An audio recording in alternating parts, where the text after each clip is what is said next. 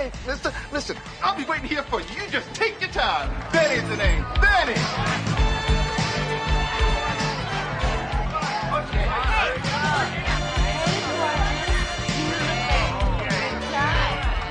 I want the good stuff. Come on.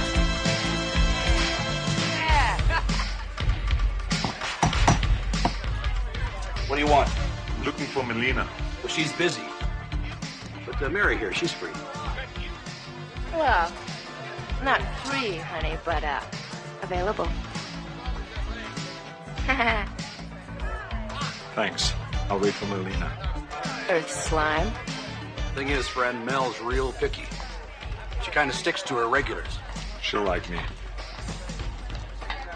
Mel! Hey, Mel!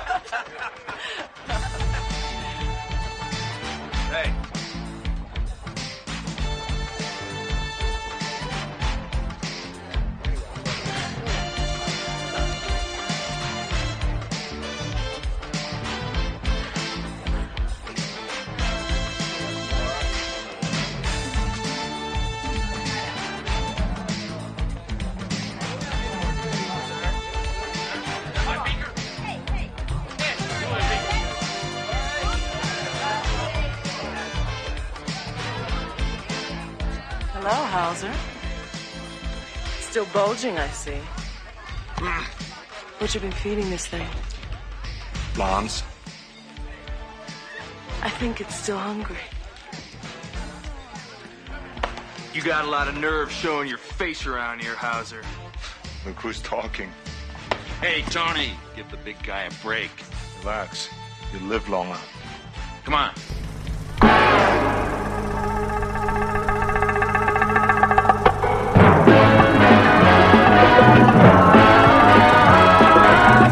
When it comes to entertainment, you can't beat a good film.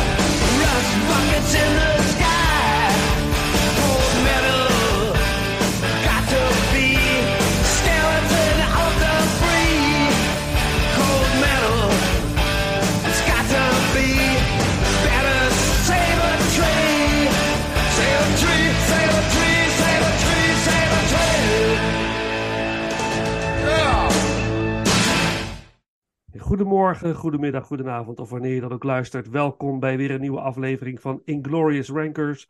De podcast waarin we films ranken van franchise tot filmjaar. En van acteur tot actrice en alles daartussenin. En uh, vanavond uh, ranken wij een filmjaar, zoals jullie vast allemaal al in de thumbnail hebben gezien op Instagram. Of waar je ons dan ook volgt. En dat wordt het jaar 1990. En dat uh, doe ik natuurlijk niet alleen. Paul is er ook. Paul, natuurlijk ben je er weer. Uiteraard. en, uh, we hebben, study. en onze uh, vaste, uh, beetje 90s ranker, Inglorious ranker. Wellicht gaat het nog veranderen in de toekomst, maar hij is er weer. Ivar Schutte, welkom terug. Yeah, dankjewel man, hè. Dankjewel. 90s, helemaal 90s. Ik ben super 90s. Ja, want we zijn ook allemaal een beetje mannen van de 90s. Ik was wel heel erg 80s fan, maar ik was natuurlijk uh, jong volwassen in de 90s. Richting volwassenheid. En um, nou, 1990. Wat hebben we de vorige keer gedaan? Wat was het ook alweer? 19... Nee, wat was het? 96? Oh ja, dat met mij bedoel je? Of? Ja, met jou, Ivar? Was het 96? Ja, 99 natuurlijk. Oh, 99? Oh ja, dat was het. Dat, ja, we hebben 1999 ik was er toevallig niet bij. Deze, deze um, goed. The Matrix, uh, weet je nog? Ik heb uh, Del Toro gedaan, uh, uh, met z'n drieën ook. Dat hebben we gedaan, ja. Ja, dat is waar, dat was de vorige keer. Ja. Yeah. 1990, oké. Okay. Ehm, waar was je, wat deed je in 1990? Weet Paul. je dat nog? ja. Nou, in 1990 was ik zeven jaar oud. En toen heb ik nog, ik denk, 99% van de films uh, heb ik toen niet gezien live. Uh, dus uh, ik, ik, ik heb later een, een hele mooie inhaalslag gemaakt. maar ik was ook wel verbaasd van hoeveel films ik van 1990 gezien heb. Ik heb eigenlijk veel films opnieuw gekeken voor een beetje op te frissen. Mm. Ik heb eigenlijk maar twee films gekeken die ik nog nooit gezien had. Uh, dus het was eigenlijk wel een mooi lijstje.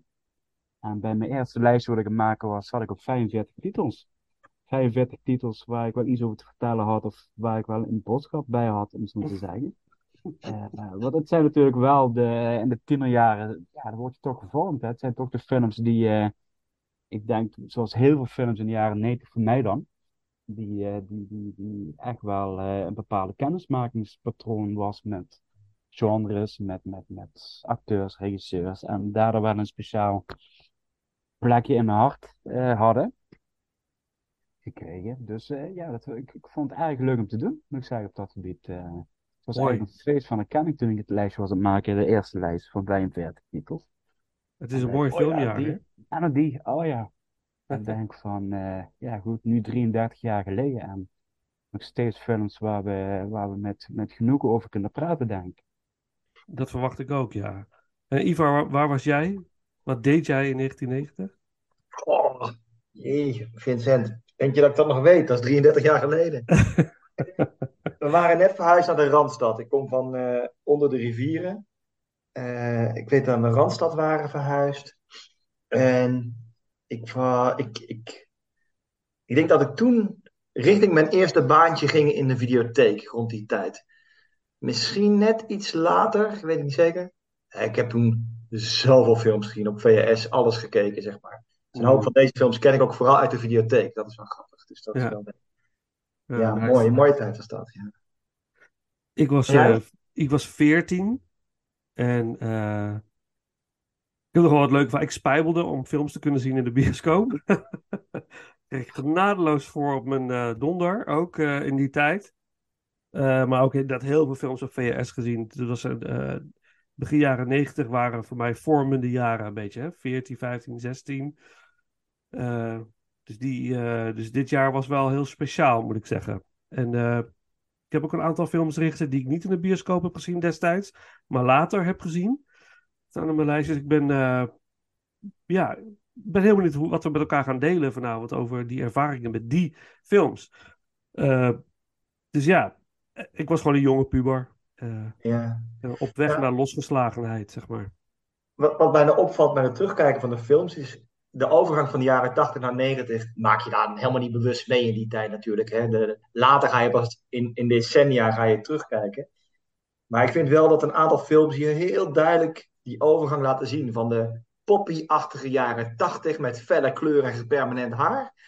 Naar de wat rauwere jaren 90 met hardere muziekstijlen. Allemaal wat grauwer en zo. Dat, Ja. Een paar films die dat heel duidelijk. Er zijn een paar die hangen echt nog van de jaren 80. En een paar die zijn echt al jaren 90. Dat vind ik super leuk aan dit jaar. Eh, Ja, klopt, klopt. En het is ook de, de start van eh, alles is mogelijk in film, bijna. Ja, Het is, eh, want in de jaren negentig is, dus- is echt een explosie van de meest bizarre, waanzinnige films. Die de toon weer hebben gezet voor nu. Eh, denk aan films als Face Off. eh, dat, de, de meest bizarre dingen die, eh, die ze konden maken. Waar, we gewoon, waar ze gewoon mee wegkwamen. Waar de bioscopen voor vol liepen. ja. De meest bizarre, bizarre dingen. Dus dat, maar ook een aantal bijzonder mooie meesterwerkjes. Dus ja, ik ben heel benieuwd naar jullie lijst. Ja, dat vind ik zo leuk aan, aan een jaar raankrenken. Kijk, soms doen we ook van een regisseur en heb je tien films en dan ga je die in een volgorde zetten. Maar ik weet zeker dat we hier enorm uit elkaar gaan lopen. Dat denk ik Ik ook. weet ook zeker dat er één gemene deler is, één film. Maar dat gaan we straks wel zien. Maar dat maakt zo'n jaarranking wel heel erg grappig. Want eh, Ja. dat Ja. zal wel heel anders zijn. Ik ben benieuwd of, je, of die gemene deler eh, er ook echt is dan. eh. Ja, maar anders, Paul. Of anders, eh eh, Vincent, dat weet ik ook niet meer. You goed, never know, je weet het nemen? nooit. Wat is de laatste opname? dat was de laatste opname. Ja, nou oké. nou, ik- eh, we hebben veel te bespreken, dus laten we gewoon eh, eh, aftrappen. Ehm, eh, ik heb allerlei muziekjes klaargezet, ook voor de films die niet in mijn lijstje staan. Dus ik ben heel benieuwd of die dan in jullie lijst terugkomen. Want ik heb een aantal moeten schrappen van ik denk van, oh god, ja, het kan niet anders. Dus ik hoop dat die bij jullie voorbij komen, maar ik, ik, ik denk het wel. Oké, ehm, wat zeg je? Nee, cool. Ik zeg later. Ja, Kom maar op. Oké, zullen we gewoon starten? En wie, wie, wil, wie wil aftrappen? Ja? En Paul? Ja, ik, Paul ik zou oh, Ivar wijst naar jou, dus... eh, Oh nee, ik wees, ik wees, ik wees zo. Oh, naar jou zelf? Oké, Ivar, ja, Ja, oké. jou, zeker. eh Ivar, oké, had let's ik het ook geïnterpreteerd. Ja, Wat? Ja, ja we zijn natuurlijk gast in, natuurlijk. Ik Ja, ben de gast dus- natuurlijk. we Maar- zitten in Zoom, hè. Je ziet dus drie schermpjes voor de luisteraar. Ja, ja, precies. Ik zat nog even te denken. eh, eh, wil je nog even beginnen met films die het niet gered hebben? Dat doe je ook vaak, hè? Ja, maar misschien is het leuk om die Achteraf. dan achteraf te doen. Achteraf, oké. Dan dat blijft het een beetje de verrassing, ja. Maar ik, weet je, 1990, ik dacht, nou ja, weet je, hoe lang is dat nou geleden? En Paul zei net als 33 jaar. En als ik dan naar die lijst kijk, dan kijk ik op twee manieren naar de films. Eerst door een bril van de jaren 90. Van Mhm. oké, hè, hoe was het toen? En toen ook een beetje in, door de bril van nu. Van zijn het films die de tand destijds hebben doorstaan? En zou je ze nu nog willen kijken? Dus vond ik heel interessant om op Mhm. die kant eh, te kijken. En wat me opviel is, afgezien van het feit dat alles best langzaam gaat in die tijd. Veel langzamer dan nu. Ehm, was er ook één ding in films dat ik dacht... Kijk, ik, ik heb kinderen die zitten heel dag op een mobiele telefoon. En daar word ik wel eens gek van. Maar voor mij word ik nog gekker van geen mobiele telefoon. Want in die films zou zoveel opgelost kunnen worden met een mobiele telefoon. Dat je iemand moet waarschuwen of iets. Weet je?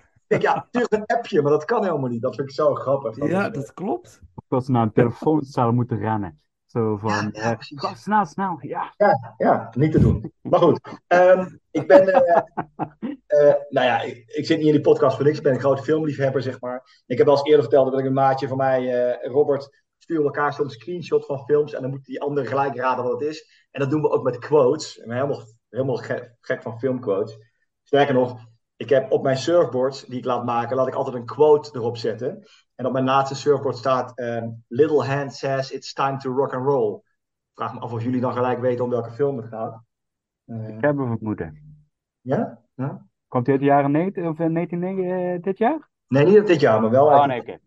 Nee, dit is uit, eh, uit Point Break. Dus ik dacht, wat ik ga doen, ik begin met nummer 10 met een quote uit die film. En dan ga ik zeggen welke het is. Dus voor mij op nummer, op nummer 10 staat een film met de volgende quote. You can trust me with your life, but not with your money and your wife. Is echt ehm, een, eh, hoe, hoe heet dat ook alweer? Als je iets, eh, een guilty pleasure. Op nummer 10 staat bij mij Navy Seals. Oh, wauw, Navy Seals. Navy Seals. Ja, Oh, ja, ja, movies. ja. Met Ja. Sheen, hè? Fantastisch. Mm. Nou, eh, Ja, explain. jij zei net, en Paul zei het ook, weet je, in de jaren negentig, je, je wordt gevormd door de films die je dan ziet. En Navy Seals in mijn hoofd was de aller, allercoolste film ooit. Het waren gewoon de elite eenheid van het Amerikaanse leger. Die op missie gingen en alles konden, zeg maar. Het was de A-team on steroids. Helemaal te gek. Ehm, met eh, Charlie Sheen onder andere, hè, die eh, eh, toen echt super hot was in die tijd. Als een van de Navy Seals. En het is een super los verhaal. Het gaat over, ehm, ze moeten, eh, er wordt een, een, schip wordt geënterd op een of andere middel, eh, zee in het Midden-Oosten. De bemanning eh, moet gered worden door een helikopter. Die helikopter van het Amerikaanse leger wordt neergeschoten door de kapers. Die helikopterpiloten worden gevangen en die moeten de Navy SEALs dan bevrijden. Als ze dat doen, ze bevrijden die gasten, zien ze in een van de vertrekken van eh, de plek waar die mensen gevangen gehouden worden, dat ze ook raketwerpers hebben, die terroristen, uh, lanceerwerpers. Nou, en daar draait uiteindelijk de hele film om dat ze terug moeten om die raketwerpers te halen. De film, daar klopt helemaal niks van, aan geen enkele kant. Eh, het is super ongeloofwaardig. Eh, je ziet mensen het één doen en de volgende scène is het ineens heel anders, in compleet andere outfits en, en weet ik veel wat. Maar het is zo'n heerlijke film die nog in de jaren tachtig hangt, waarin alles kan. The Boys Are Back in Town wordt er gezongen. Het is gewoon, ja, het is de jaren tachtig op zijn einde, maar nog één keer knallen. En dat vond ik zo tof van deze film. Helemaal te gek. Cool. Een beetje Delta Force, eh, Chuck Norris eh, Ja, ja, ja. vibe. Ja, maar dan, ja. dan iets moderner, zeg maar. Ja, en ook, ook, het zit ook dat, we hadden net over die quote op mijn surfboard, dat is eh, van Point Break. Ja, dat, dat, dat hangt ook een beetje tegen deze film aan. Het zijn gewoon mannen, mannen, stoere dingen doen. Het slaat nergens meer op tegenwoordig. Maar it was acceptable in the 90s. Mooi. Ja, ja. Ja, Point Break is wel een goede vergelijking, inderdaad. Ja. Dat is wel een van mijn favoriete films uit de jaren negentig. Fantastisch. Ja, nee, absoluut. Maar deze film moet je wel echt met een jaren 90 bril opkijken, anders is het niet te doen. Maar het is wel Nee, nee. lekker. Het is gewoon lekker. Het is Ja. gewoon vet en lekker. Ja, Ja, maar dat is, dat is toch een beetje wat wij eraan overhouden uit, uit die tijd toen we jong waren. Dat we, daar, daar ko- konden we echt van genieten. Dat was gewoon helemaal te gek en stoer. Dat voel je nog steeds als je het nu weer, eh, nu weer ziet. Ja, precies. En ook, en ook best veel bekende namen natuurlijk die erin spelen. Hè? Charlie Sheen, wat je zegt. Ja. Eh, Michael Bay, Michael Biehn, ja. Eh, Bill Paxton. Komt, eh, die heeft ook in de jaren 90 behoorlijk wat eh, producties gemaakt. Ja. Ja, en er staat ook steeds een shot bij dat hij van een jeep van de brug afspringt. Ja, net voordat ze moeten ze een bruiloft en heeft hij geen zin in. Precies, En wat ja. ook interessant is, en dat vind ik altijd wel leuk die trivia, is degene die meegeschreven heeft aan dit script is niemand minder dan Gary Oldman. Dat vind ik wel wel grappig om te weten. Oh, echt. Ja, die past echt niet bij deze film, maar hij heeft er wel. Nee, ja, dat is niet, niet direct een naam waar je denkt, oh ja, tuurlijk. Oldman. Ja, echt zijn werk. Ja. Ja, Ja. maar Gary Oldman was ook flink aan de doop in die tijd. Dus die Oh, dat eh, was flink, eh, dus die was natuurlijk on a, on a roll. Als ik alles kon, natuurlijk. Ja, nou, maar, dat, maar dat zit ook in die film. Alles kan. Het is, Ja. het is geweldig. Wat cool. Navy Ja. Seals. Die, had ik, die had ik al niet zien aankomen. Nee, mooi hè? Ja, in ieder geval noemde ik denk, ach shit, ja, tuurlijk. Echt? Oh, ja. Het Heeft stond hij dus- 45 films op zijn lijst en deze niet? Ja, nee, precies. Maar dat denk ik wel. Ja, die had er wel tussen moeten staan. Oh, Ja, dat, dat, dat, eh, ja, mea culpa, maar dat, eh, absoluut heeft Uwe heeft helemaal gelijk. Navy Seals moet in de ranking van dit lijstje staan. ja. Maar goed dat ik hem erin zet dan. Ja, Ja, precies. gelukkig maar. Ja, Gelukkig gelukkig. maar. Oké, Eh, nou ja. Is er nog meer te vermelden over Navy Seals? Ja, ik vond het, ik vind het een eh, verschrikkelijke film, maar ook heel leuk. ja, maar, Ja, maar dat is juist daarom is Ja, hij leuk. ja. Maar dat is precies wat, Ja. wat, wat Ivar zegt, gewoon de editing, daar, daar, daar schort het enorm aan. Dat, Ja. dat, dat er gebeuren qua shots en montage, dat ik dacht van, wat, wat, hoe? Het is gewoon in één, je, hebt, je hebt één scène waar ze uit een, eh, onder water uit een duikboot zwemmen eh, om daar naar het land te gaan. En dan zie je dat is opgeknipt in, die scène is opgeknipt in drie delen. En elk deel hebben ze iets anders aan, andere outfit. Ik bedoel, hoe, hoe kan dit? En ze komen uit het water met droog gefeund haar. Trouwens, gefeund haar is ook super jaren negentig. Ja, ja, ja, ja. Ja, dat kon ook nog. Oh, je haar feunen. Oh Ja. man, Ja, Ja, de kleding was camouflage, hè? Dat paste zich steeds aan aan de situatie. ja, ja, ja, ja. Iedere minuut. En verder zit er gewoon ook heerlijke foute muziek in. Het is gewoon een lekkere wegkijkfilm. En eigenlijk moet je die een keer met, eh, nou ja, jij vindt het met je zoon kijken en Ja. vroeger. Ja, ja, ja, ja. Ja, dat gaat hij vast fantastisch vinden. En die gaat al die details ook natuurlijk meteen zien. Ik zal ook zeggen, ja, kijk, hij heeft zijn haar gefeund nu op dit moment. Oh ja, ja. ja. Nee, geweldig. Ja, super tof. Maar dit was toch, er is een heel leuk interview met eh, Michael Biehn op eh, een podcast door een andere Hollywood-acteur. Die eh, heeft dan interviews met andere regisseurs en acteurs uit Hollywood. En heeft een interview met eh, Michael Biehn. En Seals was een van de meest bizarre eh opnameervaringen die hij ooit heeft gehad of zo. Het ging echt helemaal nergens over. En alles ging fout en iedereen deed maar wat. En het was echt... eh, maar eh, het, resulteerde wel in een mega succes. Het is echt een succesvolle film geweest volgens mij. eh. Ja, nou, het is van mijn films die ik vanavond in de top 10 inzet ook met de allerlaagste score op IMDb, een 5.5. Maar dat Ja. maakt me helemaal niet uit. Ik vind het prima, weet je. Ja, nou ja, mijn nummer 10 is ook zo'n soort score. Dus dat, dat is mooi. Dat komt er Oké, overheen. ben heel benieuwd. Oké, Navy Seals. Eh, ja, een goede score van Hans Zimmer. Laten we de main theme doen. En Boys Are Back in Town misschien ergens een keer tussendoor. Ja, lekker. Ja. En welke versie is het dan van The Boys Are Back in Town? Is dat, eh, want er zijn er, er zijn er twee. Er zit er één in 48 Hours. Er zijn twee verschillende versies van. Maar ik zoek het wel uit. Dat, dat ja, precies. Jij bent de muziekman van Dat ons. komt wel goed. Ja. Oké, nummer 10. Navy Seals. Main theme door Hans Zimmer. En Paul, wat is... Wil jij de volgende doen? Ja, natuurlijk, geen enkel probleem. Oké.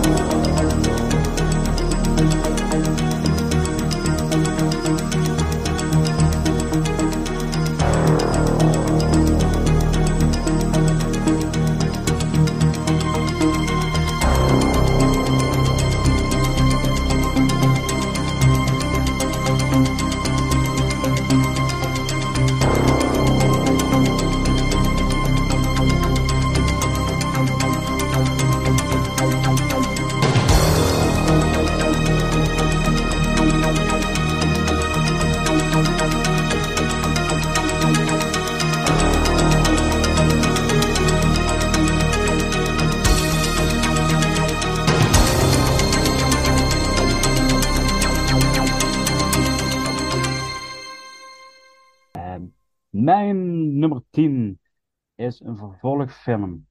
eh, van toch wel een, ehm, ja, toch wel een, een- toch wel een, een, be- behoorlijke hit. uit de jaren 80. En dan zijn er eigenlijk al drie opties die, eh, die voorbij kunnen komen. Ja, Eh, welke is het? Is het in deel 2? Die Hard, denk ik. Die Hard Nee. 2, Another 48 Hours? Nee, Young Guns? nee. Nee, ik ga jullie uit je- jullie lijden verlossen. Maar Ja. Predator 2. Oh ja, natuurlijk. Die heb ik ook nog Oh. gekeken, ja. Predator 2. Ja, dat is, dit is ook een beetje, eh, een beetje in het ehm, verlengde van wat Ivo ook vertelt. Ik zal Goed even begin, goed begin, jongens. Ja, dus ik zal even kort uitleggen waar de film over gaat. Het is natuurlijk het, ja, het vervolg op Predator van Get to the Chopper. En eh, met Arnold Schwarzenegger. Eh, maar deze keer verplaatst het strijdtoneel zich naar Los Angeles. Waar een, een pikkelharde strijd tussen allerlei drugsbendes plaatsvindt. En tegelijkertijd probeert een, ehm, ja, een politieagent Mike Harrigan, gespeeld door Danny Glover, probeert eigenlijk de wet te handhaven. Maar tegelijkertijd komt er ook nog een predator eh, de stad teisteren. En eh, de predator ziet op een gegeven moment wel in, in Harrigan een, eh, een gelijkwaardige tegenstander. En daar ontstaat een heel mooi uh, kat-en-muisspel. Ehm, dit, dit is een film die, die, die kan ik, ja, ik wil niet zeggen eindeloos blijven kijken, maar ik vind het, ik, vind het zo'n fijne actiefilm. Eh, dit is een kruising van, van ook, ook wat, wat we eerder al een beetje zeggen, van hij heeft, heeft echt bepaalde jaren tachtig elementen, wat je, wat je heel veel zag terugkomen in actiefilms zoals Lethal Weapon, ook, ook qua, qua opbouw van scènes en eh, special effects en dergelijke. Eh, maar ik vind het gegeven van een predator in, in, in, in, een, in een grote stad, tussen de mensen met, met al zijn wapens en al zijn eh, ja, jachtinstinct, om het zo te zeggen. Want hij is eigenlijk alleen maar uit om de beste te zoeken. Eh, hij is helemaal niet op, op, op, op eh, zeg dat, op ramkoers of zo. Nee, hij wil alleen maar de strijder gaan met de beste van de beste. En hij valt ook alleen maar mensen aan die bewapend zijn. Eh, dus dat is, dat best een nobele krijger, om het zo te zeggen. Ehm, en dan natuurlijk midden in de wereld van de drugsscene. eh want allerlei kartels tegen elkaar zijn te vechten. En dat, dat levert een aantal, vind ik, geweldige actiescènes op. Eh, ook heerlijke droge humor met momenten die, die ook bijna jaren tachtig kenmerkend is. Ehm, maar wat ik ook vooral fijn van iedereen is heel erg fan van de eerste film.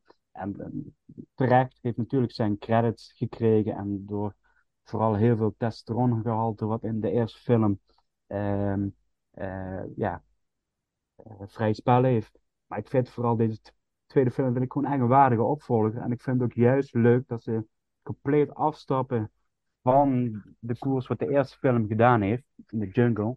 En ze gaan naar de stad, een andere tegenstander. Ze nemen wel een aantal elementen van de eerste film mee, eh, waardoor een team, eh, een soort geheime agentenorganisatie, die zijn aan het onderzoeken. En die proberen zelfs een predator te vangen. Ja, dat levert gewoon hele, hele chique scènes op. En vandaar dat voor mij Predator 2, eh, eh, vind ik, meer lof verdient. En vandaar op mijn nummer 10 is komen te staan. Wat cool. Ja. Die had ik ook niet zien aankomen, deze. Dat is, dat is mooi. Ja. Er zit ook een soort hint aan het einde toch van Predator 2. Dat is in de spaceship van de alien, van de Predator. En dan zie je toch een, eh, een schedel van, eh, van een eh, xenomorph uit Alien. Ja, dat, er zitten heel veel Easter eggs. En Ja. inderdaad een, een xenomorph van de Aliens franchise. Ja. Je ziet op het einde van deze film ziet hij ook een oud antiek handwapen aan Danny Glover geven. En dat is het wapen wat hij dus nu uit de laatste film Prey heeft veroverd. Dus op die manier worden ook die films weer met elkaar gekoppeld. Ja. Eh, ja, ik, ik, ik vind het eigenlijk een, eh, eigenlijk een- ja, een topper. Ik vind het eigenlijk Ja. een geweldige film. Heel erg over de top. Ja, maar ik kijk toch Dat is liefst leuk, hè? nog- Ja. Ja, dan kijk ik toch liever deze twee films. Ja. Eh, deel 1 en deel 2, die kijk ik toch vele malen liever dan, dan de delen die erna gekomen zijn. Mhm. Eh, al moet ik wel zeggen dat Prey, die vorig jaar op de streamingdienst uitkwam, vond ik echt wel een leuke, eh, verrassende toevoeging. Ja, vond ik ook. Maar het, het kan niet op tegen, tegen de eerste twee films, eh, om zo te zeggen. Die, desondanks, ja, zijn die wel, eigenlijk vind ik wel hele sterke producties. Ja. En Danny Glover natuurlijk, de Lethal Weapon man. Die aan het begin van de film al een geweldige actie heeft. In een soort rijdende auto. Dan hangt hij volgens mij uit. En dan... Ja, eerst de deur, de deur eruit knallen, Ja, ja, ja. eh, door achteruit te zetten. En dan Ja, eh, inderdaad een blokkade, zodat ze gewonde agenten konden weghalen. En eh, op die manier. Ja. Maar dat vind ik ook wel juist leuk, omdat natuurlijk in de jaren 80 is natuurlijk ook de Lethal Weapon franchise begonnen met, ook met Danny Glover en Mel Gibson. Waar hij dus eigenlijk de, de, de, de oude rot speelt die ergens nice meer zin in heeft van I'm getting too old for this shit. Mhm. En hier is hij gewoon eigenlijk, ja, gewoon eigenlijk een eh, badass eh, Ja. politieagent. Eh, Ja. En dat vind ik wel echt tof. eh, dat hij eigenlijk in hetzelfde jaar, of in dezelfde tijdsperiode, twee politieagenten neerzet, maar eigenlijk van. In de Weapon franchise, ja, voel je echt, ja, hij is oud. En hier denk je echt, ja, dit, dit is gewoon echt de, de detective waar, we, waar onze hoop op gekoesterd is. Ja, hij is een badass. Ja, precies. Dus eh, ja, heerlijke film. Zonder Arnold. Sorry? Zonder Arnold. Ja, nee, heeft Arnold helemaal niet nodig. Nee. En dat vind ik dan ook weer een mooi contrast. Voor Arnold natuurlijk echt een spierbundel is. En natuurlijk ook het hele leger wat in de eerste film eh, eh, opgeofferd wordt. Eh, heb je in de tweede film natuurlijk gewoon met normale, gewoon reguliere politieagenten te maken. Dus eigenlijk gewoon mensen met de straat, zeg maar. Ja. Danny Glover is niet een bodybuilder-achtig type. Of uh, jij is eigenlijk gewoon een algemene huisvader die, die politieagent is, zeg maar. Ja. ja. Maar algemene huisvader, oké, okay, dat is misschien iets te veel credits voor hem, maar uh, daarvoor heeft hij wel iets te veel wapens in zijn auto's liggen, laat ik zo zeggen. ja, hij moet wel, hè? Hij heeft geen keus. Ja, nee, daarom. daarom. Ja. Mooi. Oké, okay, Predator 2. Cool. Oké, okay, doen we een stukje muziek. De main titles. Door Alan Silvestri. Allemaal van die componisten die uh, in die tijd superveel filmmuziek maakten. Alan Silvestri, Jerry Goldsmith, uh, James Horner, Hans Zimmer, weet je, die, John Barry, die nog de laatste dingetjes maakte in die tijd. Dus uh, ja, super cool. Oké, en dan nou, mijn nummer 10.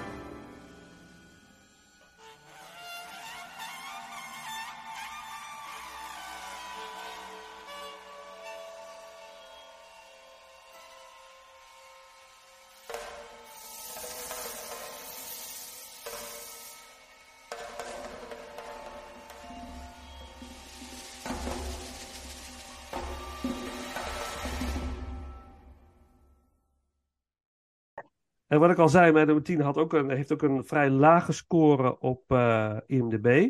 En ik heb hem eigenlijk eh, pas, eh, nou, misschien twee jaar geleden voor het eerst gezien. En dat kwam door een documentaire over de regisseur. Want die regisseur, die, eh, daar is een documentaire over gemaakt over zijn ervaringen op de set van eh, de film met Marlon Brando en Val Kilmer, The Island of Dr. Moreau. En dan hebben we het over Richard Stanley. En bij de routine is zijn eh, debuutfilm eigenlijk, eh, Hardware. Ehm, en dat is eh, een, een beetje low-budget eh, eh, film. Ehm, want Richard Stanley werkte voor Wicked Films en TV. En dan maakte ze vooral videoclips voor hard rock bands. En dat was eigenlijk een soort vaste filmcrew. En die wilden eigenlijk allemaal wel eh, ook iets meer. Wilden eigenlijk een feature film maken. En toen zijn ze dat gaan doen. En Richard Stanley had een, had een script. Het is hardware. En die zijn ze gaan eh, verfilmen met eh, weinig geld. En vervolgens is dat tot een mega succes gegroeid. in, in de US en in Engeland. In, de, in de UK. Ehm, maar in Amerika zwaar gecensureerd. Omdat er een eh, heftige seksscène in zit. En heel veel eh, eh, gore. Ehm, waar gaat die film over? Ik, als je het niet gezien hebt, ga, ga het kijken. Het is echt een hele speciale, coole ervaring. Het is een science fiction eh, horrorfilm. En het speelt zich af in, ergens in de toekomst. En de wereld is eigenlijk vernietigd door, door een, nucleaire oorlog. Het is een wasteland geworden. En ehm, eh, er is een, eh, van die scouts, van die gasten die zoeken dan eh, oude materialen in die wastelands en die verkopen ze dan door. En een van die gasten vindt een, ja, een, een, een, een hand en onderdelen van een soort robot. Die ooit is gebruikt eh, in, in oorlogssituaties. En ehm, die onderdelen neemt hij mee naar zijn appartement. En daar is zijn vriendin. En zijn vriendin maakt eigenlijk kunst. Die zit de hele dag in het appartement te blowen en sexy te zijn. Prachtige vrouw trouwens, even by the way.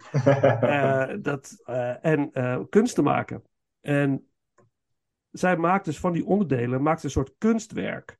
Maar wat er ondertussen gebeurt, is dat op een of andere manier dat systeem weer aangaat. Dus die robot, die komt tot leven. En die heeft maar één doel, en dat is gewoon doden. Alles kapot maken wat in zijn weg zit. Dus zij zit op een gegeven moment opgesloten met die robot in haar appartement. En er heeft ook nog een hele op seks beluste overbuurman die haar begluurt met een eh, eh, soort verrekijker. Eh, ja, het, het, is, het klinkt allemaal heel bizar. Maar Het is vast ook. Het, is, het Nou is ja, het ook. Valt mee, vind ik. Maar het is echt, echt een geweldig eh, mooie, goede film. Eh, echt heel spannend, maar eh, ook heel eh, decent, zeg maar, geacteerd. En je ziet wel het talent van Richard Stanley, wat hij, wat hij is. En wat hij volgens mij ook volgens eigenlijk nooit echt heeft kunnen waarmaken. Een paar jaar geleden heeft hij volgens mij nog Mandy gedaan. Met Nicolas Cage, wat ook een uh, best wel een aardige film is. Oh, ik dacht jij is een andere film, Color of Space. Color of Space. Color Out of Space. Dat is. Ja, ja. ja, klopt. Je hebt helemaal gelijk, Paul. Ja, dat klopt. Ja, die had hij gemaakt. Vind ik overigens wel echt een, een geweldige film. Een hele coole film. Ja, ja, absoluut. Maar deze film is echt... Uh, ik was echt verrast uh, door deze film. En echt, echt spannend. En de hele de atmosfeer met al het weinige geld wat ze hadden. Ze hebben gewoon uh, de oude Roundhouse gebruikt in Londen. Dat is een oud concertgebouw. Dat was helemaal vervallen. Dat hebben ze gebruikt als, uh, om te bouwen tot appartementencomplex. En, uh, nou, echt, en, en de Wastelands, die hebben ze in Marokko gefilmd. Maar vervolgens met een kleurenfilter eroverheen. Waardoor het dus echt een soort radioactive wasteland lijkt. Dus echt, echt de moeite waard. goede acteurs. Dylan McDermott speelt de rol van Moses. Mooie naam, goede naam. Dat is zeg maar de held in het verhaal die ook in de, in de nuclear wars heeft gevochten en trauma met zich meedraagt. Een soort robothand heeft. Uh, doet hij op zich niet zo heel veel mee, maar hij heeft hem. En Stacey Travis is dus de, de vrouwelijke lead role. Die dat zegt dat is al de moeite waard om alleen voor haar al te kijken. En uh, Iggy Pop zit er ook in, maar die is, alleen zijn stem hoor je. Hij is een soort uh, radio-host. Die dus vertelt hoe de situatie op dit moment is in de wereld. En muziek draait. Het is echt, ehm, echt een aanrader. Dus eh, als je die niet gezien hebt, hardware, gun het jezelf. het is eh 90 minuten. En het is gewoon, ik vind het gewoon altijd heel mooi om te zien dat gepassioneerde jonge filmmakers dit dan gewoon doen. Het gewoon voor elkaar boksen op dat. Weet je, zoals Evil Dead die begin jaren 80 was. Met bijna niks, maar een passie gedreven, gewoon dit maken. En dat het ook nog zo goed uitpakt, dat vind, ik, dat vind ik dan echt fantastisch. En ik vind het eeuwig zonde dat het talent van Richard Stanley vervolgens eigenlijk om zeep is geholpen door zijn eh, afschuwelijke ervaringen op de set van The Island of Dr. Moreau. Eh, waardoor hij dus zeg maar niet kon doen wat hij wilde doen. Door druk van de studio's eh, en eh, eh, Brando die niet wilde meewerken. En Val Kilmer in zijn super ego status op dat moment, zeg maar. En, en Marlon Brando niet meewerken was geen uitzondering natuurlijk. Dat was altijd bij hem. Dat is een vreselijke man om mee te werken volgens mij. Ja, ja. Ja, en het gekke is dat, dat, dat las ik ook over Brando, dat het ene moment wilde hij een goed script waar hij mee kon werken. En het andere moment wilde hij gewoon improviseren. Ja, nou ja, in Ap- Apocalypse Now heeft hij alles geïmproviseerd. Hij wilde Ja. niet lezen. Ja. Niet ja. doen. Ja, ging die uren met eh, Coppola in gesprek over. ja, idioot. Echt ongelooflijk. Maar deze film, eh, ga het zien. Ehm daar wil ik graag een stukje muziek doen. Eh, en het is zeg maar het centrale thema. Het is de, de track heet The Order of Death. Eh, gemaakt door Public Image Limited. En onder andere eh, eh, met als eh, guest star in dit nummer Johnny Lydon, zanger van de Sex Pistols. Die hier ook meewerkt. En Lemmy van Motorhead zit er ook in. En die is taxichauffeur in deze film. Even een moment. Mooi. Het is ook echt. ga dit zien. Het is echt een unieke film. Zo zijn er weinig gemaakt. Maar hij krijgt een hele lage score onterecht op eh, YouTube. Dus dat is eh, mijn nummer 10. Dus eh op naar nummer 9. Ivar. Ja, mijn nummer 9. Ehm, This is what you want, this is what you get. This is what you want, this is what you get. This is what you want, this is what you get. This is what you want, this is what you get. This is what you want, this is what you get.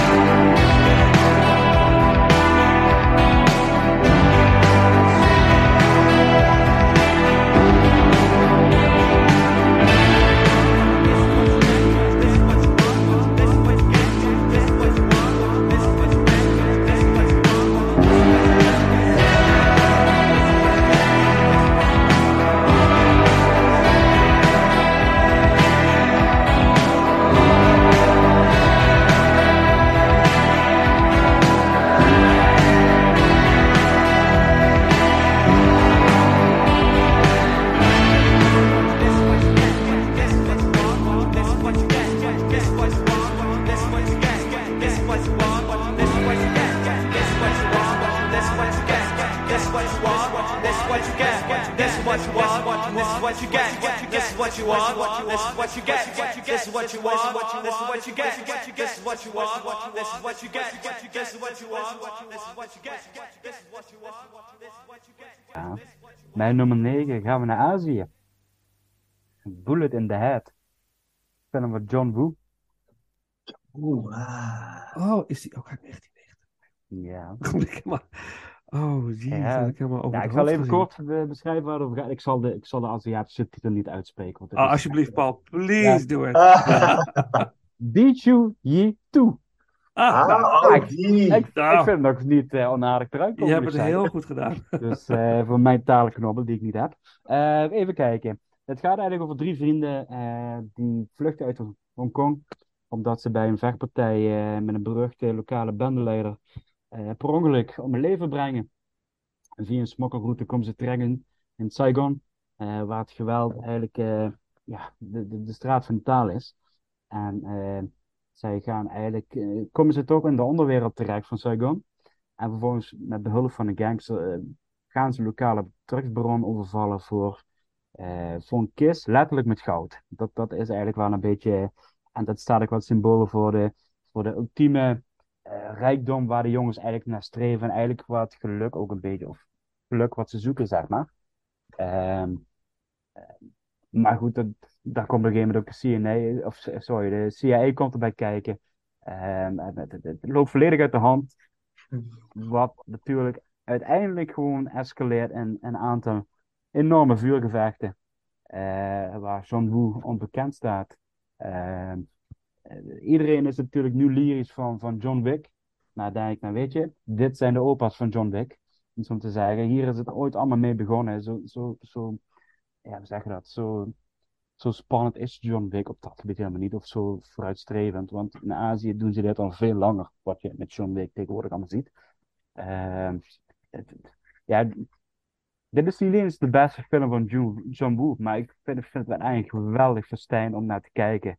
Ehm, vooral als, als de beginnen. Dan, dan begint een, ja, een explosie, letterlijk en figuurlijk, van, van, van kogels, eh, gekke sprongen. ehm, de mensen vallen met de borstjes neer dood. Dit is, dit is een ballet van geweld, om het zo maar te zeggen.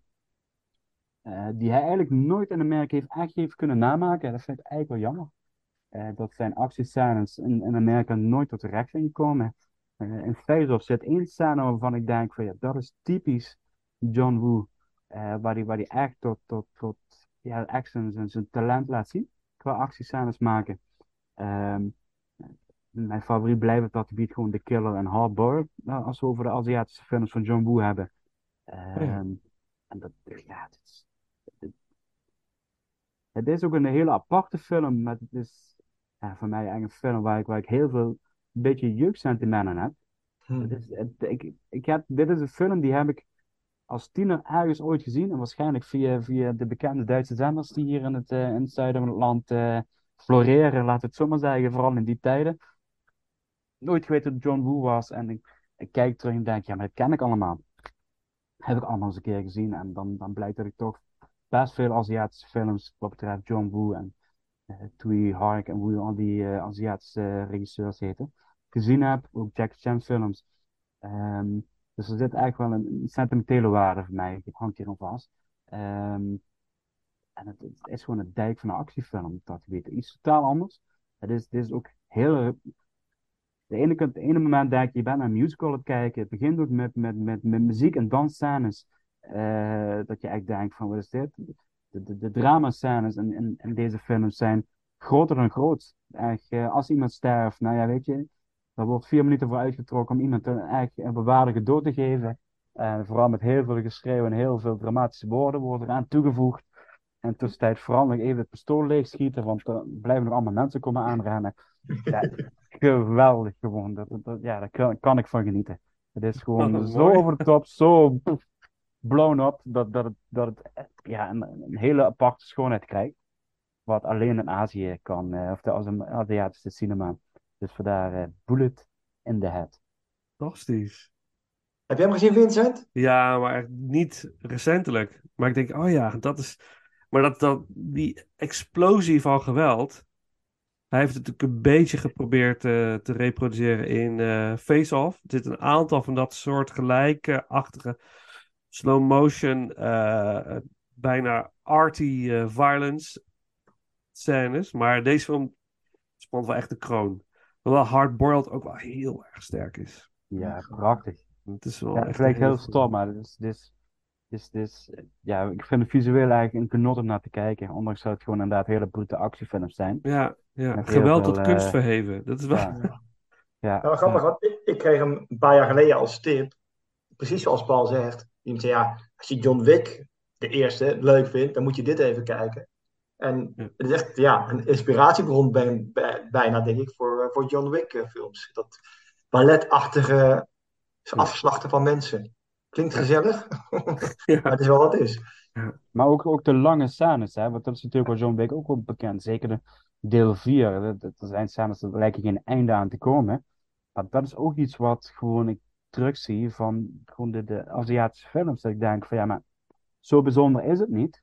Eh, het is gewoon van doorgaan, doorgaan, doorgaan. Want ja, daar kan ik niet met opstaan, zeg maar. En vooral het pistool helemaal leeg schieten op één persoon.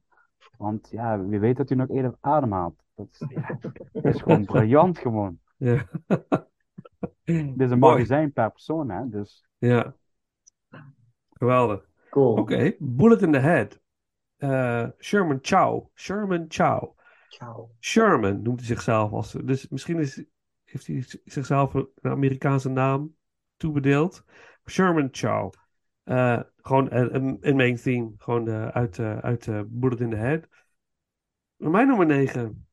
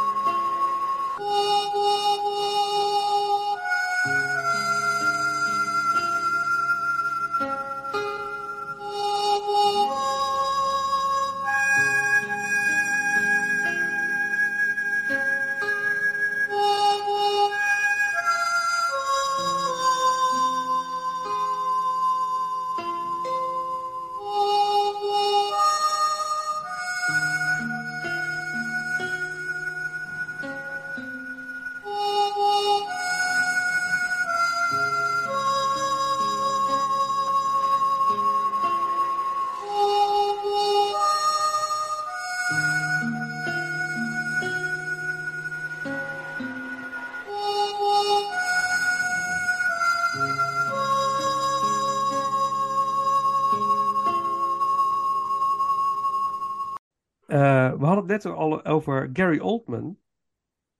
En ehm, eh, Gary Oldman was volgens mij op dat moment in die jaren echt in zijn prime. Hè? Leon kwam eraan, eh Dracula, eh, waar natuurlijk een fantastische acteerprestatie levert. Maar deze film, toen ik die zag, deze film spant echt de kroon, vind ik. Dit, dit is. Ik zag op, een, review op IMDb. Gary Oldman can do anything. Hij kan alles. Dit is, misschien is dit wel gewoon een van de beste acteurs ever. Ik, als ik, toen ik deze film zag, denk ik van jemig. De, de, de, de, de, de rijkbaarheid van deze man. Het is onvoorstelbaar. Ik heb het over de film State of Grace. eh, door, van de regisseur Phil Janou. Die eh, ik een bewonderenswaardige regisseur vind. Hij heeft een aantal hele mooie producties gemaakt. Eh, ik was aardig onder de indruk van deze film, moet ik zeggen. State of Grace. Ik had hem ooit eens gezien, maar ik heb hem recent een keer herzien. Kijk, ga ik hem in de top 10 zetten, maar ik kon niet anders. Wat is dit een eh, fantastische film. Eh Sean Penn, Ed Harris, Gary Oldman, Robin Wright spelen, ja, zeg maar, de sterren van de hemel in deze film. Eh, je, kan soms Sean Penn eh, beschuldigen van overacting. Maar in deze film is soort van alles in balans of zo. Iedereen geeft alles wat hij heeft. En dat eh, is, heel bijzonder. Het gaat, heel kort gezegd gaat het over een... Sean Penn speelt Terry Noonan. En Terry Noonan is ooit onderdeel geweest van een criminele organisatie. En hij is lang weg geweest, maar hij keert weer terug. En hij lijkt zich weer aan te sluiten binnen deze organisatie. Maar we weten allemaal als kijker dat hij infiltreert. En eigenlijk iets anders moet doen. En eigenlijk de boel moet eh, verraden, moet exposen. Eh, dat, dat gegeven heb ik natuurlijk al veel vaker gezien. En volgens mij na deze film nog veel meer. hè. Donnie Brasco en zo, die hierna volgden. Ehm, maar dat, ik vind het zo mooi dat je als kijker precies weet wat er aan de hand is. En dat je voortdurend in deze film de spanning voelt. En dat komt door het waanzinnige acteerwerk van Sean Penn, Ed Harris en eh, eh, eh, Gary Oldman. Die met z'n drieën die, dat spanningsveld heel erg stand houden. Want Ed Harris vertrouwt Sean Penn eigenlijk niet helemaal. En Gary Oldman is vol van vertrouwen. En, en, maar Gary Oldman speelt een karakter die zo volstrekt idioot is. Door de drugs die hij gebruikt, de drank die hij zichzelf eh, eh, eh, gunt. Iedere dag weer in grote getalen. Hij is super onvoorspelbaar. Maar hij houdt van Terry Noonan. Hij is echt, dat is echt zijn, zijn, ja, beste buddy, zijn broers. En dat, dat gevoel hebben van ja, als hij erachter komt, joh, dat hij eigenlijk de boel saboteert, waar gaat dit naartoe? En dat die voortdurende spanning in die film is zo goed. Het is echt een soort klein meesterwerkje, vind ik. State of Grace. Wat ook eindigt in een soort van geweldsballet. Eh, de laatste scène is heel bruut. Ehm, daar zit je ook echt op, te wachten. Van, er moet iets gaan gebeuren nu, want er moet een oplossing komen. Je zit echt, eh, ik zat echt op het puntje van mijn, van mijn stoel, als het ware. Echt fantastisch. State of Grace. Briljant. Punt. Nou, ik Ja. ben het heel met je eens. Ik, ik vind het echt zo'n geweldige film. Ja. Ik was wel vergeten dat Robin Wright, die na deze film overigens Robin Wright Penn heet, daarin speelde. Exact. Ja. Je herkent er bijna niet. Echt een bloedmooi rood haar. Echt heel Ja. erg. Ja. Ehm, en het is ook een beetje dat eh, eh, Gary Oldman speelt Jackie en Ja. Terry is zijn jeugdvriend. Maar Jackie kijkt eigenlijk heel erg op tegen zijn oudere broer Frankie. En dat is dus Ed Harris. Maar die geeft geen liefde terug. Dus hij, hij zoekt, je zegt net, het zijn soort broers, hè, eh, Terry en Jackie. Omdat hij de liefde niet bij zijn eigen broer vindt. Ja. Maar die Gary Oldman daarin is. Ik vond hem. In, in Lyon speelt hij wel een soortgelijke rol met van die trekjes. Maar het is echt. Het is fantastisch. Het is Ja. echt. Echt een hele goeie. En als je acteerwerk ziet, het is Oscar waardig. En toch geen Ja. nominaties, geen Oscars in dat jaar. Het, eh, Nee, onbegrijpelijk. En Ja. ik, Sean Penn, ja, ik, ik hou wel van hem. En hij is een beetje, voor mij zeker in die tijd, was hij een beetje eh, de James Dean van die tijd. De Rebel with, Without a Cause. eh, losgeslagen. en dan in combinatie met Gary Oldman in die rol. Ja, fucking briljant. Ja, het is echt intens. Deze film is intens. Hij voelt vanaf het Ja. begin tot het einde. Ja, het, het, het greep me gewoon heel erg. En vooral Gary Oldman. En dat. Ja. Ja, je, je, voelt, eh, je voelt hem. Er zit alleen één, één, één dingetje wat ik heel jammer vond.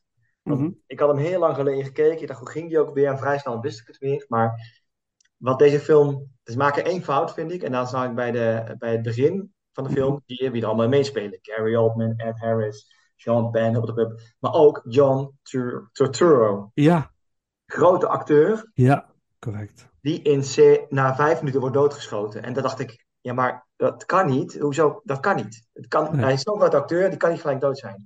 Ja. En als je dan denkt aan de film Seven, Ja. waar, eh, hoe heet onze vriend eh, Underwood, Frank Underwood, eh, Ja. eh, help even. Ja, Kevin Spacey. Dankjewel. ja, Kevin Kevin Spacey. Spacey. Ja. Kevin Spacey uiteindelijk de dader blijkt, die zit niet in de vooraankondiging van namen. En dat hadden ze eigenlijk weg moeten laten. Want ik, hè, hoe kan dit? En dan ga je gelijk al denken, iets klopt hier niet. Dat vond ik wel het enige minpunt aan deze film. Ja. Dat wel. Maar Turturro komt wel terug nog. Hè, Ja maar, hij- ja, maar dat is Ja. dus het gek. Dat weet Ja. je dat hij terugkomt. Dus je weet dat. Ja. Sorry. Ja, dat klopt. Nee, dat klopt inderdaad. Ja, ja, ja, ja. Ik snap je, ik snap je punt. Ja. Dat echt, hé, hè, moe. En toen wist ik ook gelijk hoe het, hoe het hele verhaal aan elkaar zat, omdat ik hem heel lang geleden een keer had gezien. En dat vond ik wel jammer. Ja. Eh, Ja. Maar dat wordt ook vrij snel bekend in de film hoor, dat hij undercover is. En, eh, Ja. van de ene kant houdt hij van Jackie. Hij, hij denkt, ja, ik, ik ga mijn beste vriend verraden, ik wil dit niet. En die strijd is ook heel mooi, eh, heel mooi in beeld gebracht. Ja, Top. absoluut. Ja, echt, echt, een, echt een aanrader. Beetje underrated bijna. Dus eh, ja. Oké, nou. Ik heb hem niet gezien. Niet gezien, Oh. Paul. Nooit gezien. Stop de opname. Ja, dat, eh, ja. ik, ik heb hem niet kunnen vinden. Dat, was- dat het probleem. Hij ja. stond wel op mijn lijstje, maar ik heb hem, ik heb hem niet kunnen vinden en niet op tijd kunnen vinden. Dus, Ja. eh, Nou, je moet er Ja. echt gaan kijken. Je gaat er geen spijt van hebben. Nee, zeker niet. En eh goede score, Ennio Morricone. Eh, prachtig. eh, ja, echt, echt heel, heel bijzonder goed eh, gedaan. Dus eh, laten we dat, daar een stukje eh, muziek van doen. Eh, de closing titles waren St. Patrick's Day is de subtitle daarvan. Want de laatste scène sp- speelt zich af tijdens St. Patrick's Day. Ook heel waanzinnig mooi in beeld gebracht. Dus dat. En dan gaan we naar de nummer 8.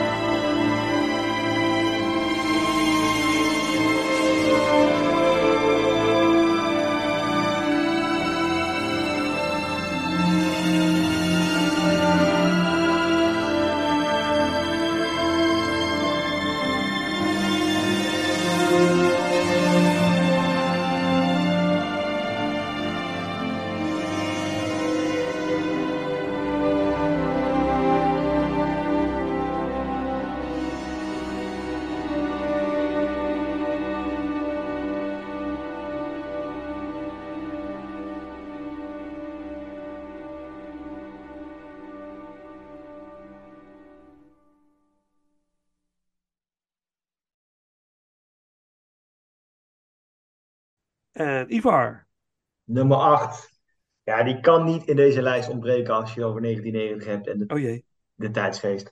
Ja. Daar komt ie. Baby, you make me wish I had three hands.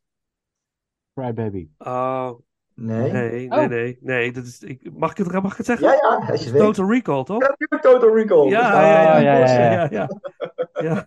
Ah, Tuurlijk, Total mij. Recall. Total Recall. Wat was dit voor film, joh? Echt in die tijd.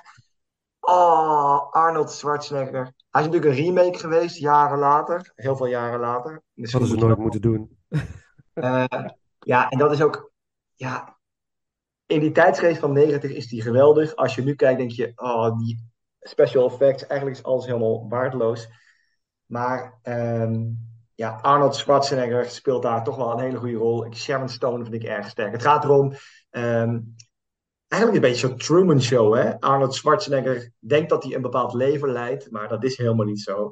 En langzaamaan komt hij erachter wat de werkelijkheid is. En blijkt onder andere zijn vrouw niet echt zijn vrouw te zijn. Eh, en moet hij naar Mars, het speelt zich af in de, in de, in de, in de verre toekomst. En moet hij naar Mars om af te rekenen met een rebellenleider. Ehm, van Paul Verhoeven. Paul Verhoeven vind ik een regisseur, net als Luc Besson, waar ik heel veel moeite mee heb. Ehm, soms maakt hij films waar ik denk, nou ja, oké. Eh, Basic Instinct vond ik geweldig van hem. Echt geweldig. Eh, Zwart Boek vond ik ook nog wel te doen. Maar ik ben ook een keer naar een screening geweest van Bernadetta, die nieuwste film van hem. Oh, ik dacht, hoe kom ik hierheen? Er zat heel veel non-functioneel naakt in. Nou, dat wordt dan nog wel dat je denkt dat je wakker blijft, zeg maar. Dat is ook weer echt behoeven. Ik vind hem als regisseur, Hollow Man, Robocop, Starship Troopers, Showgirls. Ik vind allemaal helemaal niks. En deze zit er een beetje tussenin, vind ik, Total Recall. Ehm, maar het is wel een film die zo 90s is, dat ik denk, ja, hij moet erin. En het mooiste vind ik, Sharon Stone is echt, echt, echt een bitch in deze film. En dat is grappig, want ehm eh, Verhoeven had haar daar speciaal op geselecteerd, omdat zij de capaciteit heeft om te veranderen van een super lieve, aardige, attente vrouw naar een duivelse bitch in no time. En het mooiste is wat Verhoeven daarover gezegd heeft, zo is ze in het echt ook. Nou, dat vind ik Ja, ja. fantastisch. Een fantastische film met eh, ja, heel veel one-liners in. eh, de special effects in deze tijd kunnen ze niet meer, maar toen waren ze heel erg tof. Eh, ja, een film echt van de jaren negentig, maar zeker het vermelden waard. Ja, nou eens, eens. Nou ja, Paul, wij hebben natuurlijk al een eh podcast gedaan over Paul Verhoeven. We hebben al zijn films eh, gerankt. Ehm, eh, ja, ik ben een heel groot fan van Total Recall. Ja, meer zeg ik nog niet. ja, ik, ben, ik vind Total Recall echt eh, fantastisch. Maar straks verder hebben, leuk. Dat leuk. Dus dat, ja, ja, we komen er nog op terug. Tenminste, ik kom er nog op terug. Eh, Paul houdt wijzelijk zijn mond. Zie? Dat is Dan doen we maar gelijk een stukje muziek. Want de soundtrack van Jerry Goldsmith is ook fantastisch. En weet je dat ik in de bioscoop zat met mijn vader en het begon.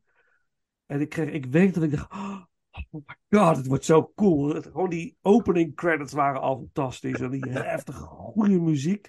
Wat een beetje Conan the Barbarian vibes heeft. Als je die, Ah ja. eh, de opening credits van Conan the Barbarian naast die van Total Recall legt, komen ze heel erg overeen. Het zijn twee verschillende componisten. Basil Polidorus zit voor eh, eh, Conan en eh, Jerry Goldsmith voor Total Recall. Maar toch, ja, de, die... ik zal het nooit meer vergeten. Dus de main titles uit Total Recall.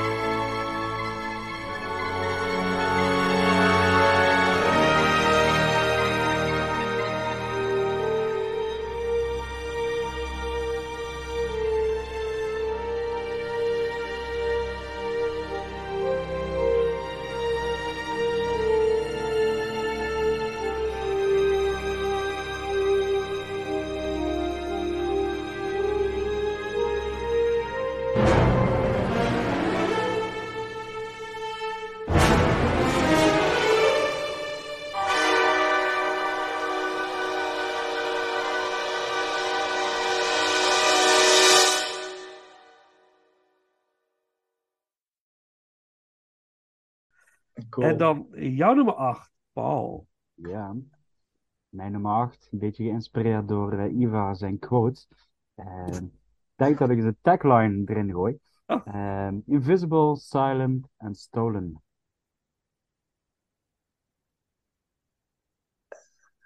Die parkeren we even.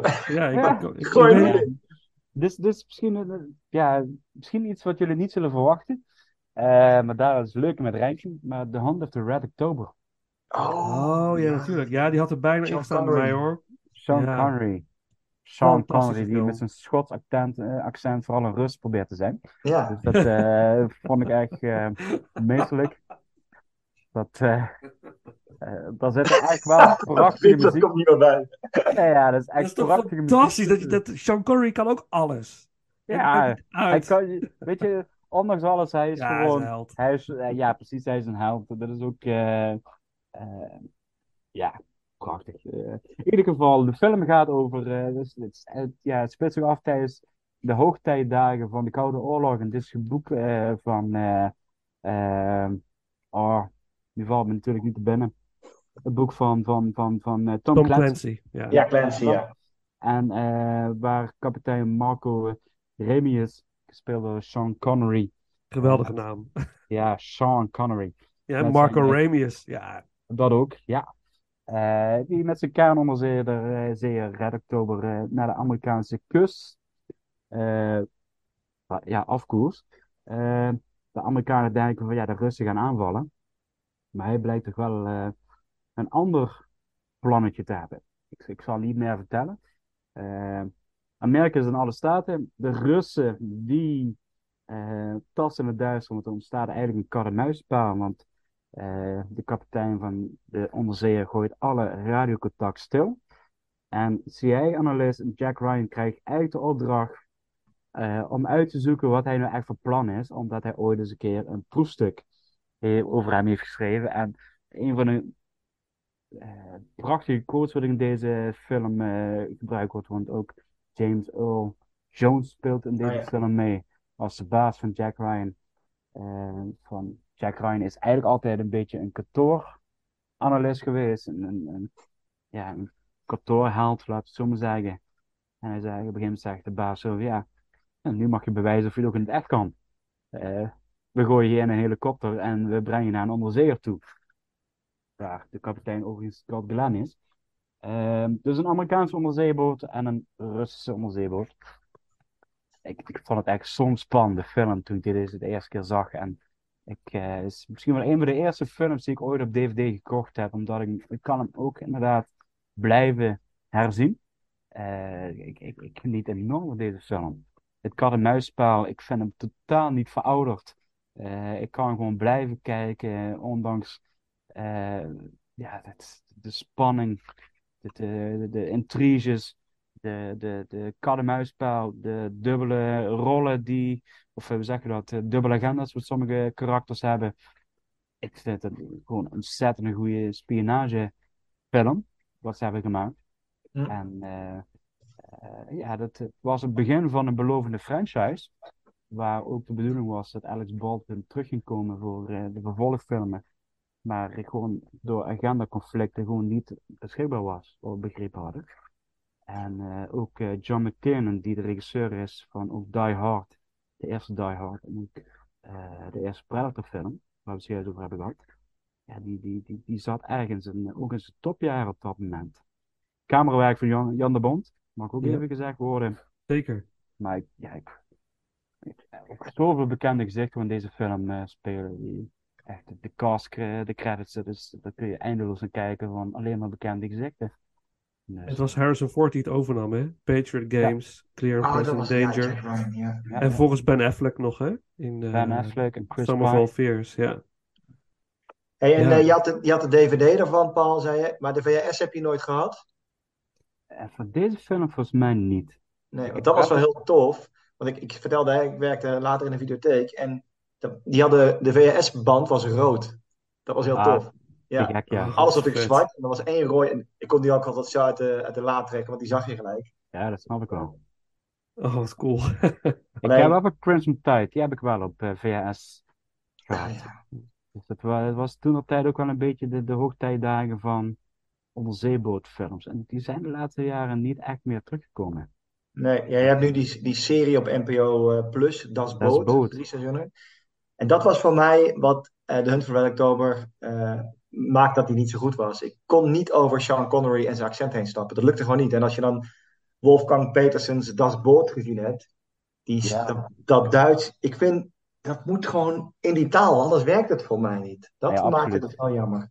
Ik heb dat Hmm. sport ook later gezien. eh, we hebben het ja, nu over 1990. Ehm, maar Das Boot is nog vele malen beter dan, dan The Hand of the Red October. Dat, dat, eh, dat, dat, ja, dat is echt een meesterwerk, vind ik. Ja, Dit is de Hand of the Red October heeft voor mij echt een sentimentele waarde. En vandaar dat hij voor mij Ja, precies. in de- in deze ranking voorbij komt. Wat cool. De Hunt for Red October. Ik zag hem in de bioscoop met mijn vader en ik begreep die film ook. Dat ik, gewoon- ik kon het filmen, zeg maar. Ik kon het volgen. Dus eh, dat was wel eh, een bijzondere bioscoopervaring. Ja. Vond ik dat. Eigenlijk, dat, dat zitten echt prachtige, eh, volgens mij Gregoriaanse muziekstukken in van, van een Russisch mannenkoor. Ja, die gaan we zo doen. De hymn voor de Red Ja. October. Dus daar waar de film mee opent. Dat is Als, als ik fantastisch. dat al hoor, dan krijg ik kippenvel. Ja, Dat, vind ik eh, Cool. zo mooi. ja, is het Eh, ook. Ja. Ja, dat is, eh, dat is wat films met je moeten doen, hè? Dat is wel tof. precies. Oké, nou doen we dat. De hymn voor de Red October door Basil Polidorus. Een van de goede componisten. Noemden net al Conan the Barbarian. Robocop heeft hij gedaan. Dit is ook een van zijn eh, juweeltjes. En dan eh, mijn nummer 8.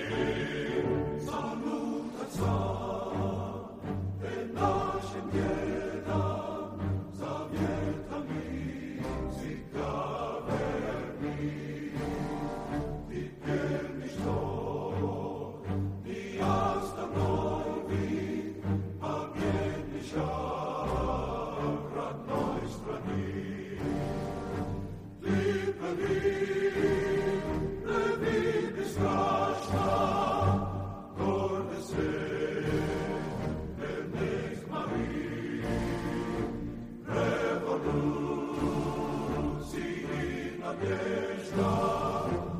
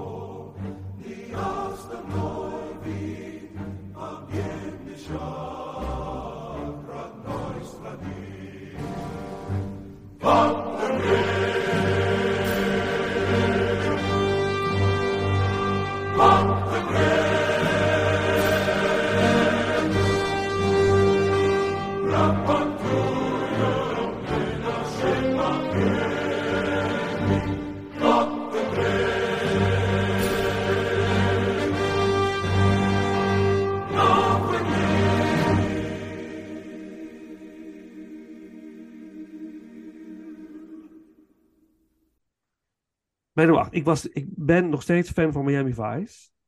Eh, Don Johnson vind ik echt eh, te gek. het karakter. Jennifer Connelly vind ik een van de Ah. prachtige, prachtige actrice. Goede actrice ook. Los van dat ze dus heel mooi is, nog heel erg goed. Ehm, Virginia Madsen en regisseur Dennis Hopper. En ik hou van film noir. Dit had het allemaal. Wat is... Wow, ik vond het zo'n toffe film. The Hotspot. De hotspot, ja. Oh. De muziek van John Lee Hooker en zo. De, de soundtrack. De, de, de hitte komt op je afgestoomd. Eh, De erotiek. De, de hitte van de, van de desert. eh, de- de- het spannende element. Het, eh, weet je, de, de, de dingen die je beter toch maar beter niet kan doen. Maar toch heel verleidelijk zijn. De hotspot heeft, heeft het. En ik vond... eh, eh, ja, dit vond ik echt een hele gave ervaring. Ehm, ehm, heel, het is een heel simpel gegeven, echt film noir-achtig. Don Johnson is een eh, eigenlijk eh, op de vlucht geslagen crimineel die in een, in een klein stadje komt, eh, aan een desert road ergens. En nou, gaat er, volgens mij gaat er een, een brandalarm af in een bank en iedereen gaat die bank uit en hij zit in die bank en denkt, ja, ik kan gewoon nu alles gewoon stelen wat ik wil. Dus hij, hij steelt een hele grote som geld en wordt vervolgens eigenlijk gezocht. Hij kan moeilijk dat eh, stadje uitkomen om een of andere reden. En raakt eigenlijk verwikkeld in een, eh, in een, in, een spel van, van erotiek, eh, macht en... ehm, ja, en dat, dat is wat, wat de hotspot is. En Jennifer Connelly speelt in, in, eh, een administratieve medewerker van een soort autobedrijfje. Heel onschuldig, maar ontpopt zich eigenlijk tot een soort femme fatale eh, in deze film. En het is allemaal heel erg vergezocht. Eh, maar deze film boeit van de eerste tot de laatste minuut voor mij. Ik, ik vind, ja, het is een heel gevaarlijke film om naar te kijken. Eigenlijk een beetje van, eigenlijk zou ik het allemaal wel willen meemaken, maar eigenlijk ook weer niet. Dat gevoel. Ehm, eh, de, de, de soundtrack is, is briljant, vind ik. Het, het, ik ben nu toevallig het boek aan het lezen On the Road van Jack Kerouac. Ik weet niet of jullie dat eh, boek eh, kennen. Een heel bekend eh, eh, boek over een roadtrip door Amerika. Maar het dat, is, dat boek is een soort van eh, een aaneenschakeling van gebeurtenissen. Het is echt een meesterlijk geschreven boek, On the Road. Hebt niet onderweg, als je in Nederlands... Het is, lees het. Het is een maniacale rit door eh, Amerika. Eh, dus en dat nodigt me uit. Ik wil dat ook een keer. Ik wil ook een keer rijden. Ik- dat is een van mijn droomreizen naar Amerika. Maar die desert roads, die, die fascineren mij zo. Ik wil daar een Hmm. keer zijn. Ik wil dat een keer ervaren. Dus dat is ook.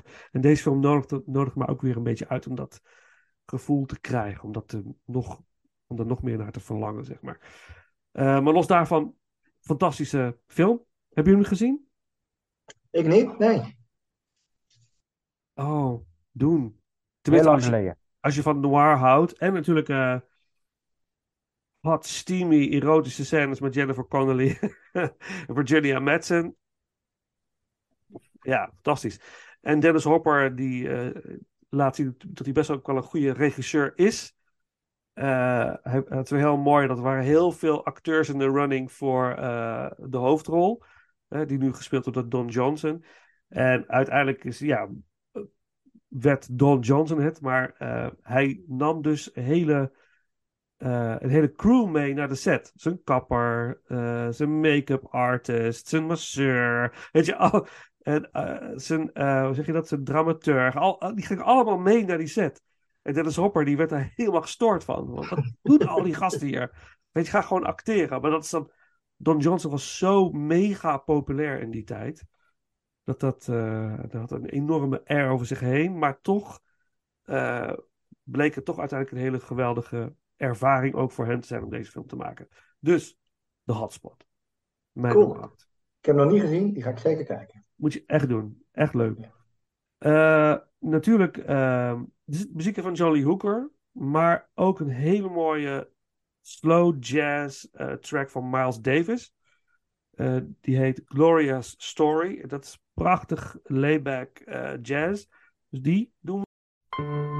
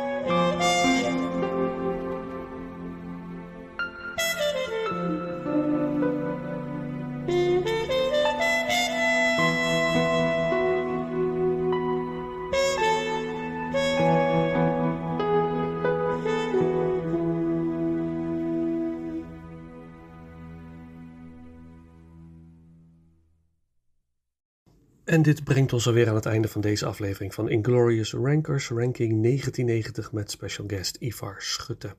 Natuurlijk zijn we ook benieuwd naar jouw 1990 ranking. Als je wil, deel het met ons via de bekende social media kanalen. We begonnen deze aflevering met een fragment uit de film Total Recall. En uh, na de intro hoorden jullie de track uh, Cold Metal, gezongen door Iggy Pop, uit de film Hardware. We gaan de aflevering afsluiten met het prachtige nummer Wicked Game door Chris Isaac. En die is natuurlijk afkomstig uit de film Wild at Heart. Nou goed, dan rest mij niks anders dan te zeggen, beste mensen, bedankt voor het luisteren. Tot de volgende ronde.